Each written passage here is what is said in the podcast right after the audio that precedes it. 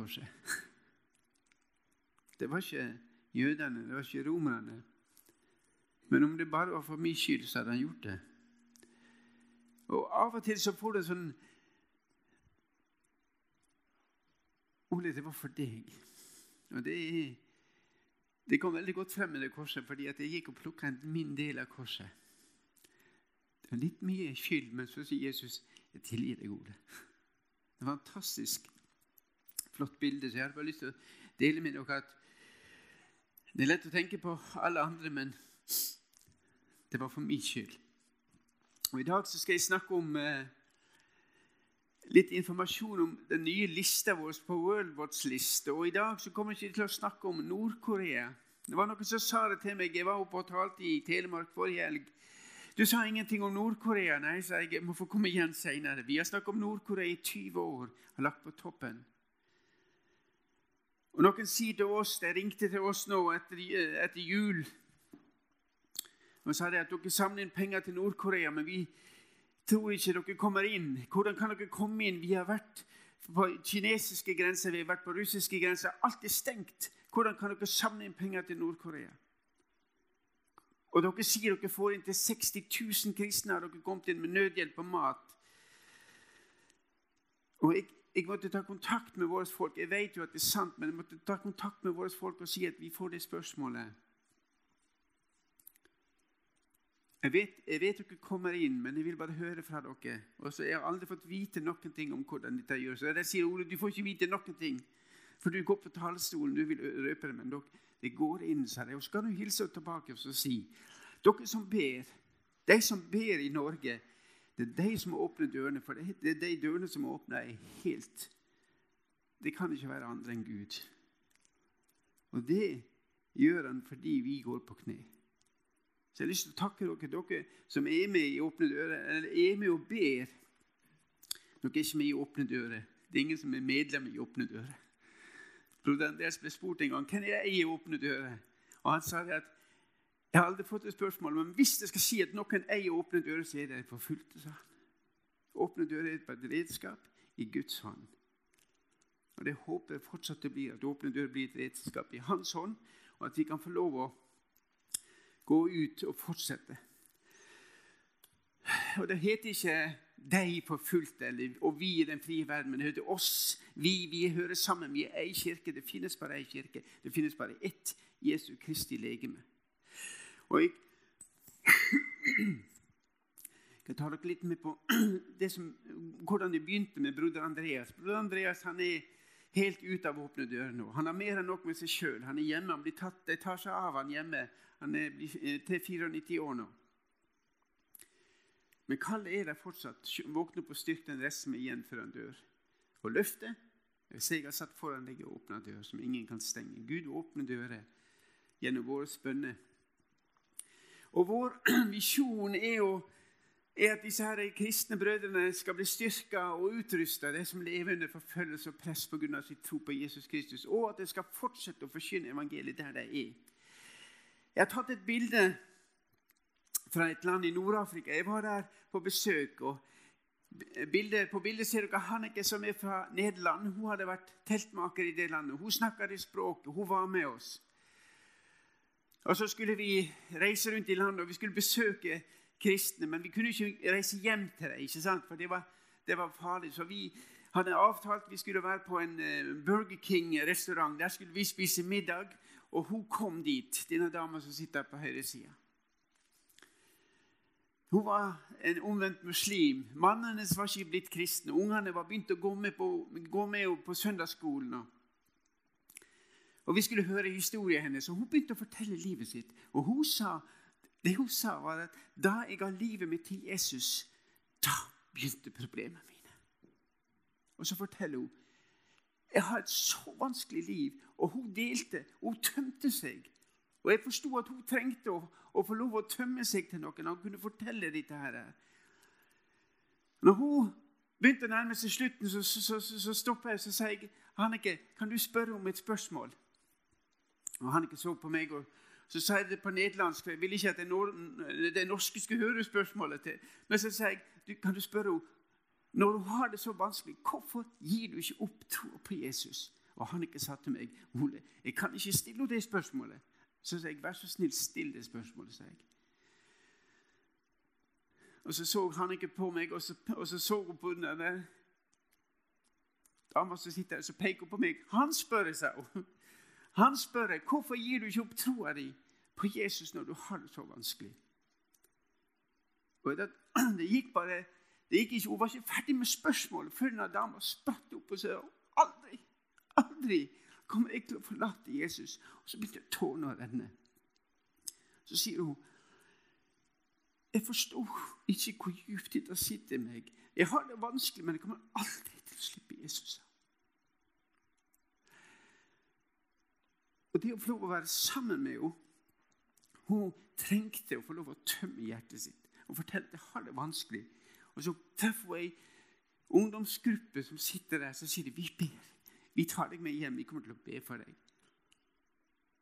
Og så, Når hun får det spørsmålet, så kommer armene over hodet og sier hun aldri aldri vil jeg slippe Jesus. Og han kommer aldri til å slippe deg, sa vi. Han kommer aldri til å slippe deg.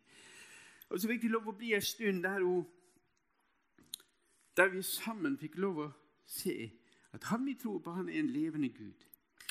Og Det var fantastisk å få lov å være sammen med henne. Og få lov å se den responsen som hun sa at jeg ante ikke at det satt så djupt i meg.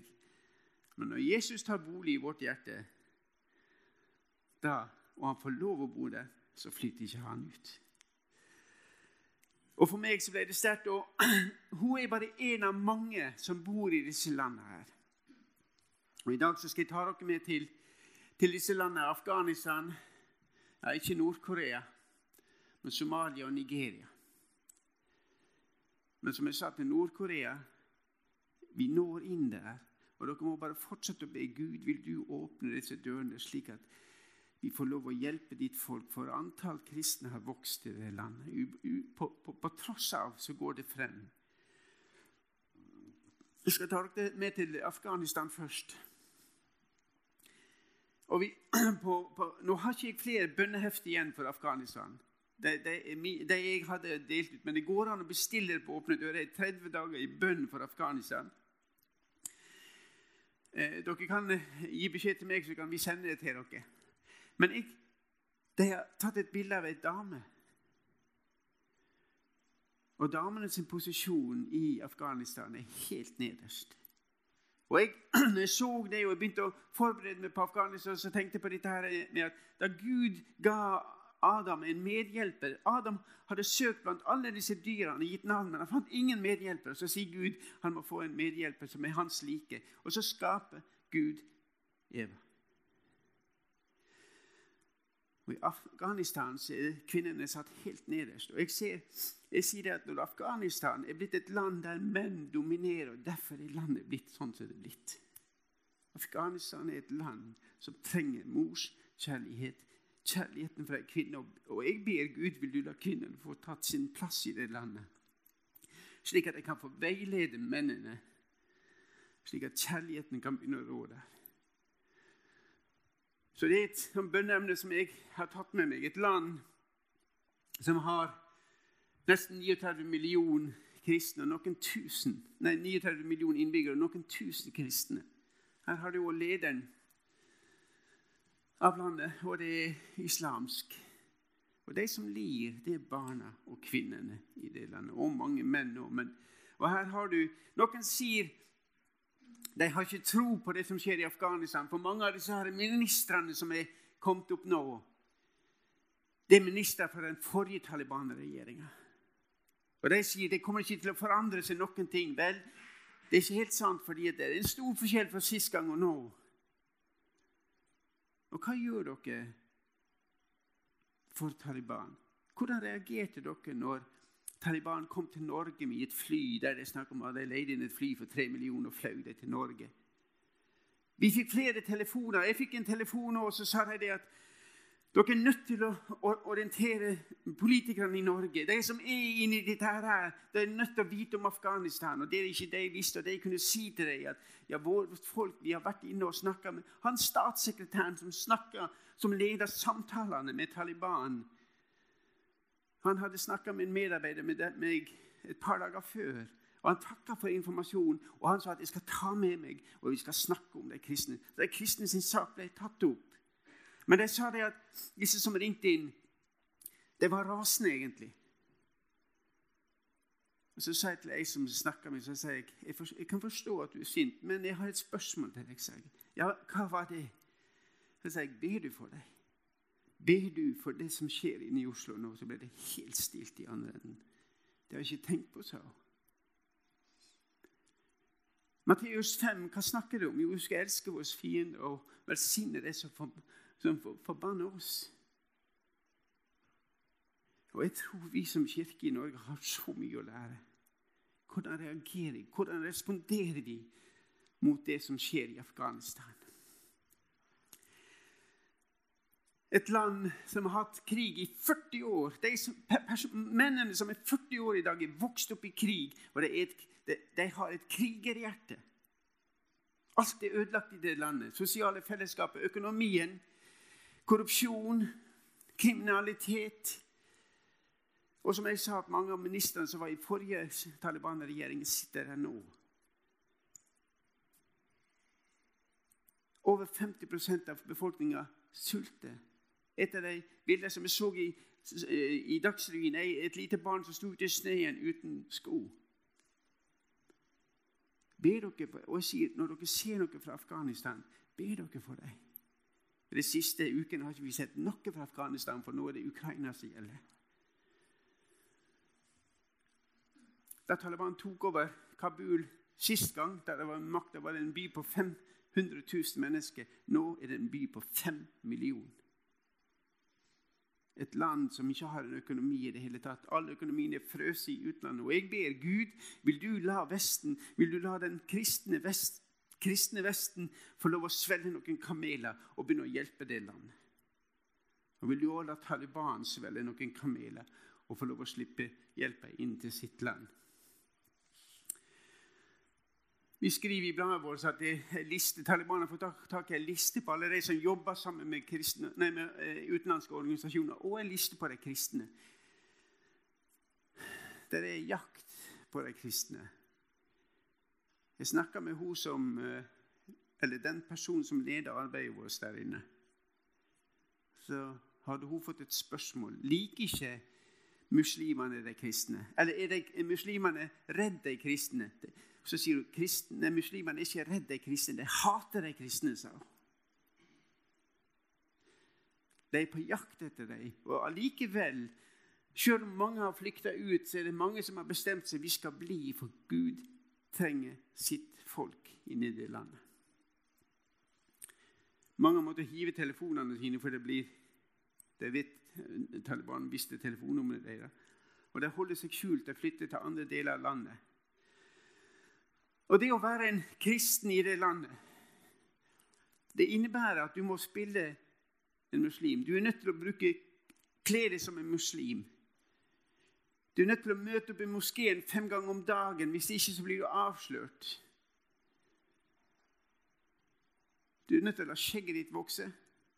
For meg er ikke så vanskelig. Nei, for meg er ikke så lett. Jeg har nesten ikke skjeggvokst.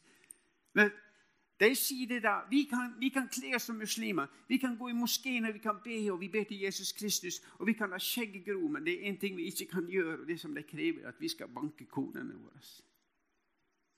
Vi klarer ikke å banke konene våre, men er, en, er du en god muslim, så gjør du det. Og det blir avslørt på det. Studentene som må følge muslimsk opplæring, og jentene blir utelukka fra skolen. Og det de sier, de som jobber der, sier at bønn er ikke noe inaktiv, passiv handling som noen mennesker tror. Bare be, så vil alt bli bra.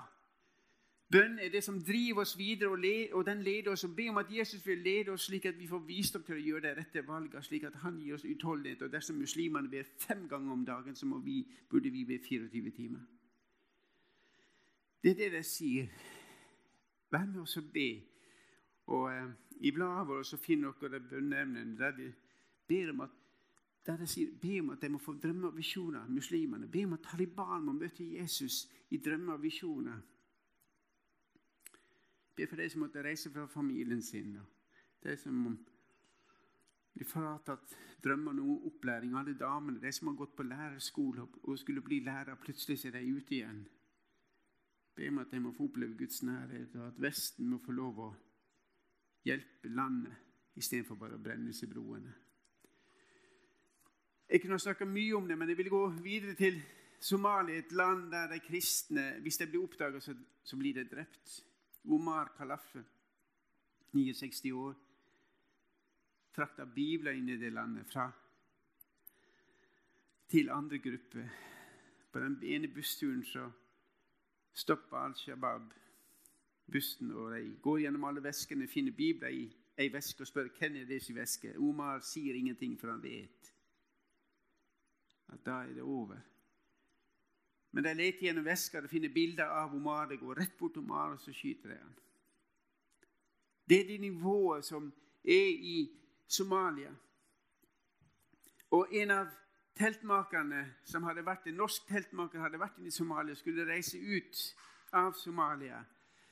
Og før han reiser, så kommer det da en kristen somalier for å si ha det. Og så sier han det at 'Jeg er villig til å dø for Jesus'. Og 'Nå skal du reise hjem', sa han. Så peker han på han, og så sier han, 'Er du villig til å leve for Jesus?' Og Det, det spørsmålet treffer dere her på Klepp, og det treffer oss i Norge. Er vi villige til å leve for Jesus? Og denne somalieren han sa det òg, at det er kanskje lettere å dø for Jesus enn å leve for Jesus, for det kommer til å koste dere. Men spørsmålet er fra de forfulgte. Vi er villige til å betale med livet. Er dere villige til å leve for Jesus?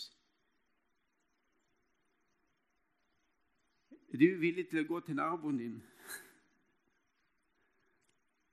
med vitnesbyrd? Er du villig til å gå til kollegaen din? Her er vi frie til å gjøre det, men her i Norge Tarjei Gilje sa det på en forfulgt konferanse som vi hadde i, forfjor, i fjor. Han sa det at i Norge er menneskefrykten blitt mye større enn gudsfrykten. Og når han sa det, så tenkte jeg du, du har rett. Vi frykter mennesker mer. Hva vil de tenke om oss hvis vi gjør sånn og sånn?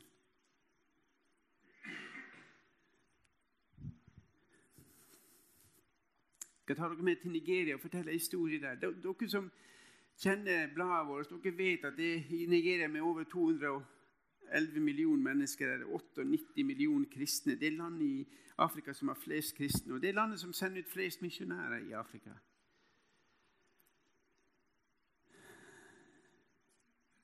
Nesten 80% av alle drepte i fjor kristne ble drept i Nigeria. Pakistan og Nigeria står for 90% av alle som ble drept. Pakistan mista 690 mennesker i fjor. Og I nord så er det islam. Så har du et midtbelte der det er kamp mellom de kristne, der islam prøver, å trykke det sørover. Sør så er det bare kristne. Dere som leser bladet vårt, kjenner Lea Sharibu. 14 år gammel så ble hun kidnappa i 2017. Sammen med 110 andre jenter fra skolen hun gikk på. En kristen skole, men det viser seg det at på den skolen, på de som ble kidnappa, på, på, veien ut den natta når det ble frakta opp, så dør fem av jentene. Slik er det 105 igjen. Av de 105 som var igjen, så var det 104 muslimer og Lea. Da det kom til Boko Haram-leiren, så sier Boko Haram at dere som er muslimer, skal slippe å leve i slaveriet under islam. Dere skal få lov å reise hjem. Disse 104 jentene de vet at Lea er kristen. 14 år gammel. Så de går til Lea og så sier de, Lea, du er nødt til å fornekte troa på Jesus. Da får du lov å bli med oss hjem i dag. Og når jeg hørte denne historien, så hadde jeg begynt å be på en annen måte. For Før så ba jeg Gud vil du sette Lea fri.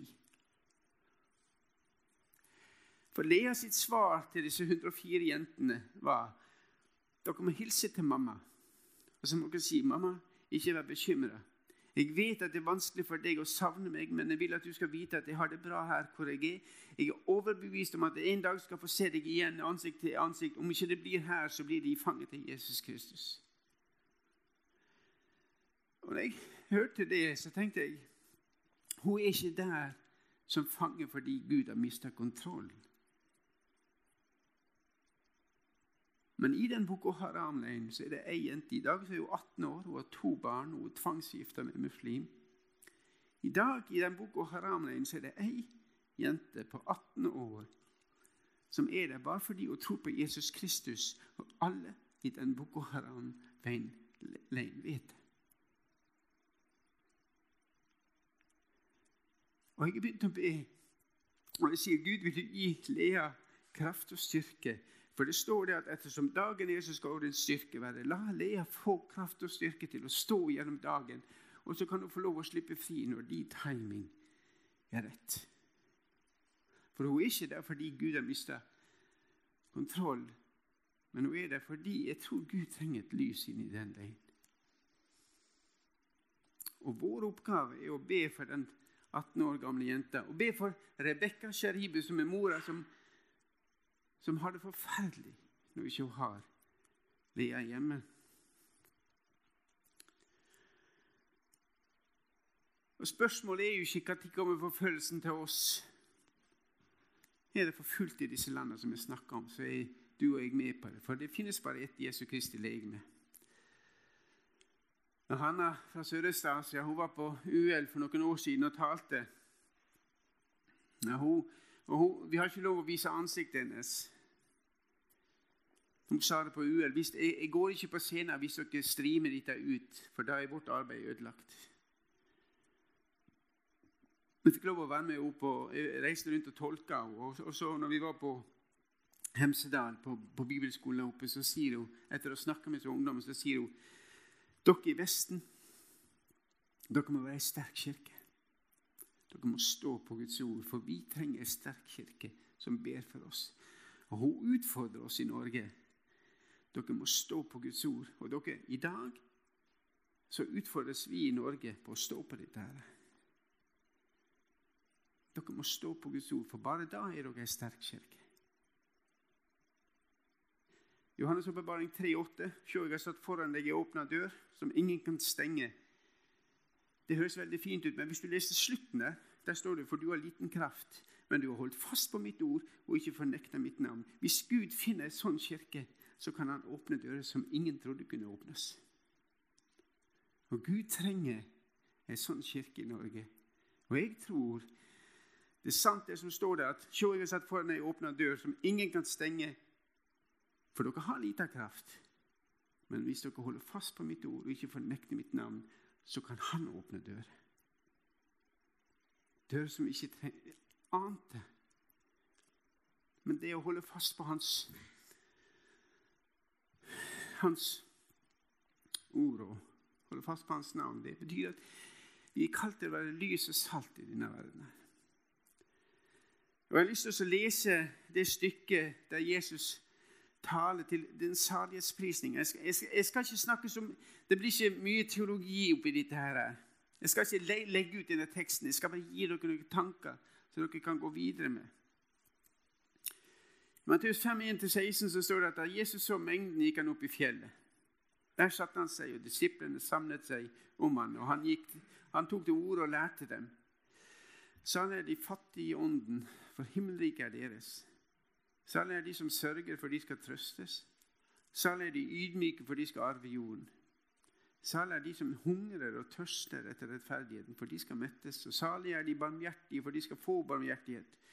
Salig er de rene av hjerte, for de skal se Gud. Og salig er de som skaper fred, for de skal kalles Guds barn. Salig er de som blir forfulgt for rettferdighetens skyld, for himmelriket er deres. Ja, salig er dere når de for min skyld håner og forfølger dere, og lyver og snakker ondt om dere på alle vis. Gled og fry dere for lønnen dere har i himmelen. Slik forfulgte de også profetene før dere.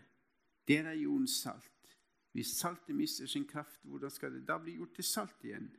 Det duger ikke lenger til noe, men kastes ut og tråkkes ned av menneskene. Dere er verdens lys. En by som ligger på et fjell, kan ikke skjules. Heller ikke tenner man en oljelampe og setter den under et kar. Nei, man setter den i en holder så den lyser for alle i huset. Slik skal deres lys skinne for menneskene, så dere kan se de gode gjerningene dere gjør, og prise deres Far i himmelen. Hvis du tar den teksten, så kan du dele den opp i tre deler. Hvorfor det? Jo, den første delen, som går fra vers 1 til 9, der snakker det om hva troa vil gjøre med ditt og med, med våre liv. Og fra vers 10 til, til 12 så snakker det om hva verden vil gjøre med oss som tror.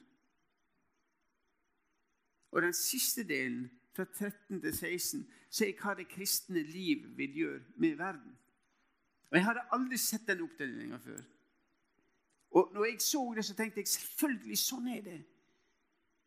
Jesus han kommer inn i livet vårt og så skaper han noe nytt. Alle disse egenskapene som står i salighetsprisninga, det er jo et resultat av fellesskap med Jesus Kristus. Det er ikke en prestasjon, men det handler om en relasjon. Ditt ære. Og Når du da gjør det, at du blir forvandla, så vil verden se det og hate det. Men vårt liv kommer til å prege Det står at vi er, dere er jordens salt, dere er verdens lys. Dere er jordens salt. Når vi salter mister sin kraft, hvordan skal det da bli gjort til salt igjen? Det duger ikke lenger til noe, men kastes ut og tråkkes ned av menneskene. Når vi snakker om salt, så snakker vi ofte om salt som smaksforsterker. Det, det hindrer eh, ting å forråtne. Men Jesus har bare én forklaring på hva han mente når det gjaldt salt. Og Den forklaringa finner vi i, i, Lukas 14. Der sier Jesus at salt er en god ting, men hvis også saltet mister sin kraft, hvordan skal det da bli salt igjen? Det kan ikke brukes verken i jord eller gjødselhaugen. Det kan bare kastes. Dette er den eneste forklaringa Jesus gir på salt. Det kan ikke brukes i jord eller gjødselhaugen. Jeg begynte å, å undersøke dette. her. Jord, at hvordan, hvordan, kan du bruke jord, salt i jord?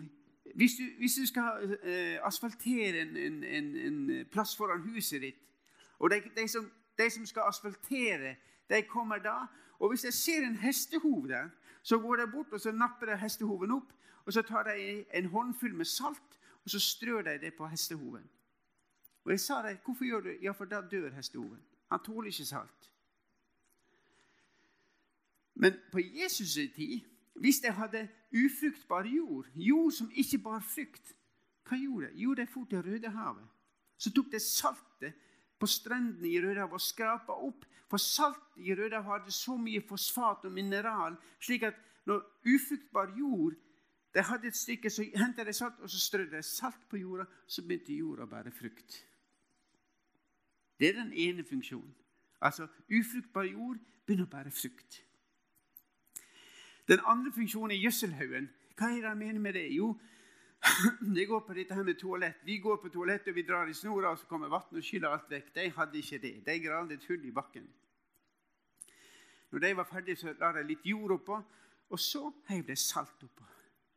Og hvorfor salt? Jo, salt hindra at sykdom skulle spre seg. Det desinfiserte sykdom, slik at ikke folk skulle bli syke. Det er de to forklaringene Jesus gir på det å være salt. Dere skal være salt. Dere skal få ufruktbar jord til å bære frukt, og dere skal hindre at sykdom sprer seg. Og som kristne så forstår vi et utrolig bilde. Og dette er et, Dere skal være verdens lys. Jesus sier det. Når du, når du snakker om det, så snakker vi ofte om en ja, vi, vi, vi, er kalt til å være verdens lys, står det. Ja, Men hvorfor er vi kalt til å være verdens lys? Jo, fordi vi har fellesskap med Han som sier at 'jeg er verdens lys'. Vi kan ikke være verdens lys i oss sjøl uten kontakt med Jesus Kristus. Vi reflekterer lyset fra Jesus Kristus og fellesskapet. slik at det å være verdens lys, som jeg sa til dere, det er ikke en prestasjon, men det er en relasjon med Jesus Kristus. Det er et resultat. Det å bære frukt Noen sier til meg hva kall har vi som kristne? Misjonsbefalinga. Gå derfor ut. Nei, det er ikke kallet vårt. Det er en befaling, det. Kallet vårt er å ha fellesskap med Jesus Kristus. Første kor er ni. Gud er trofast, han som kaller oss til samfunn med Jesus Kristus. Når vi har samfunn med Jesus Kristus, fellesskapet fører til frukt, og frukta er vi klarer ikke å tie stille. Derfor går vi ut. Gå derfor ut, for dere klarer ikke å tie stille hvis dere oppdager hvem Jesus Kristus er. Salt er en god ting, sier Jesus òg, men hvis saltet mister sin kraft, hvordan skal det da bli salt igjen? Hvis du, tar, eh, hvis du går til en kjemiker han, eh, en jeg hører mye på, han gikk til en kjemiker og sa han, kan salt i seg selv miste kraft? Kan den, den, den kjemiske koden natriumklorid, NaCl, kan det miste sin kraft? Så sier han i seg selv så mister ikke saltet krafta. Hvis du bevarer saltet godt, så mister det aldri kraft. Men hvordan kan da saltet miste kraft? Hvis du ser på Jesus Kristus' tid, da disse damene gikk til, til, torget for å kjøpe salt og Så det, så kom de tilbake, og så var det dårlig salt. Hadde saltet mista sin kraft. Og det saltet mista sin kraft bare når det ble blanda ut. Salt kan bare miste kraft idet det blandes ut. Og jeg, jeg tenkte på jeg tenkte på Guds ord. Tør vi å holde Guds ord og ta det for det det er? Eller blander vi det ut slik at det passer inn? Og det vil prege livet vårt. Hvis, hvis dere holder fast på mitt ord og ikke fornekter mitt navn Gud leter etter den menigheten. Og bare da, bare da kan vi få være salt. Fordi da bevares krafta. Ser dere, det går egentlig ikke på oss, men det går på vår holdning i forhold til dette her ordet. Og vi utfordres i dag kjempehardt det som skjer på her i bygda. Hvordan reagerer vi?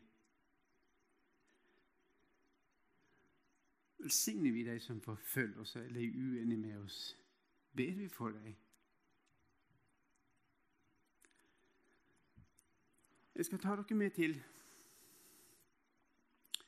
Romania. Trajan Doors. Denne mannen her han leder en enorm vekkelsesbevegelse i Romania. Vi leverte mye av biblene til deg.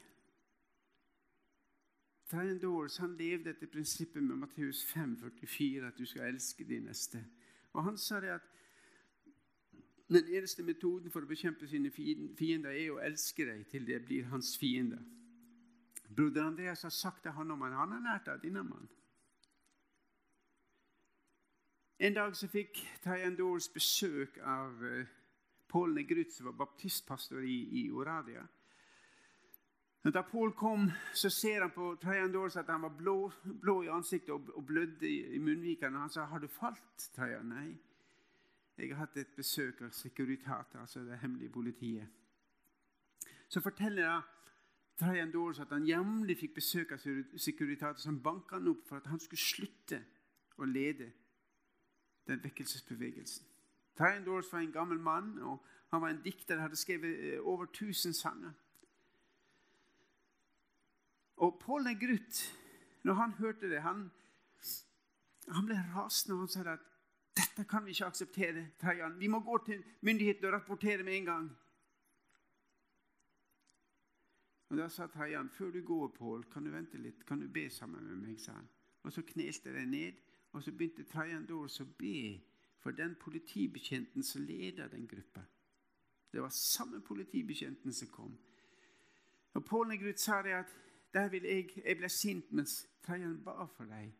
Han velsigna de som forfulgte han, og han velsigna de som forbanna han. Og Pål sa at jeg fikk ei kjempelekse. Og når jeg var ferdig å be, så sier eh, Trajan til, til, til Pål at hver gang de går, så stopper igjen den politibetjenten etter de har banka meg opp, og så sier jeg til han Politibetjent, jeg elsker deg, og jeg vil bare at du skal vite at hvis vårt neste møte blir foran Guds trone, så kommer ikke du til å gå til helvete fordi jeg hater deg, men fordi du forkaster min kjærlighet. Det sa han hver gang. Og Historien går som så at en dag så banker det på døra til Trajan. Utenfor står politibetjenten, og Trajan tror at det er en ny runde som kommer. Men han er alene denne gangen. her. Og så sier, kom, så sier han, 'Kan jeg få komme inn?' Trajan merker at det er noe spesielt, og så sier politibetjenten at Theodors, neste gang vi vil møtes, vil være foran Guds dommertrone. Og jeg kom for å be om tilgivelse og fortelle deg at din kjærlighet rørte ved mitt hjerte. Og jeg har bedt Jesus Kristus om å frelse meg. Og når jeg leste den historien, så tenkte jeg Det tredje han gjorde Han fikk den ufruktbare i jorda. Den mannen som ikke ville høre noen ting om Gud.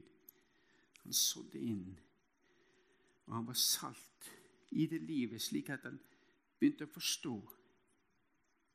Og så begynte det å vokse frem ei tro. Så sier politibetjenten at jeg har nettopp fått vite at jeg kommer bare til å leve noen uker til, men jeg ville at du skulle vite det. At du og jeg kommer til å møtes foran Guds trone som brødre.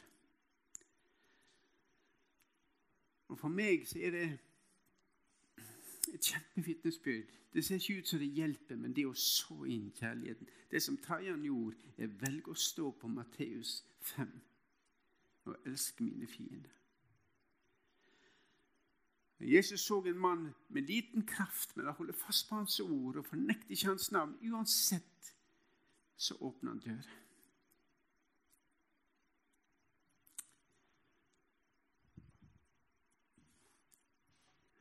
Dere er verdens lys. Du kan ikke skjule en by som ligger på et fjell. Du tenner heller ikke et lys og setter under ei bøtte. Og vi gir verdens lys i kraft av at vi tjener Han som er det virkelige verdens lys. Og igjen, det handler ikke om prestasjon, men det handler kun om en relasjon med Jesus Kristus. Og dette med lys I Jesus, eller Guds ord så sier det at ditt ord er lykt for min fot og en lys på min sti. I, i uh, Salme 119, 105. Det bildet her det er fra en vi, Når vi kjører bil, nå er det kommet nye lys på bilene. Xenon-lys, og det lyser fantastisk godt. Og Vi vil helst se så langt frem, slik at vi kan holde farta. Jo bedre lys du har, jo fortere kan du kjøre. Jo fortere kommer vi frem. Og vi vil, Når vi snakker om lys, er det å se langt, langt frem. plan, vi, vi lever i en tid der vi planlegger livet vårt. Men hva slags bilde her passer best inn i det Jesus sier? Er det det xenonlyset? Eller er det den oljelampa? Og vi vet at det var oljelampa på Jesus sitt tid. Og den oljelampa er slik at når du går i mørket og nede i Midtøsten, så blir det klissmørkt. I Norge vet på sommeren det blir ikke mørkt. ikke sant? Men når det blir klissmørkt, og du har ei oljelampe eh, Om du går inn i et hus, så lyser den lampa akkurat nok til at du kan ta ett steg frem. Og når du tar ett steg frem, så ser du lys til neste steg. Du, tar, du ser bare steg for steg. Og Det er et bilde på dette her med å vandre sammen med Gud. Det å ta steg for steg.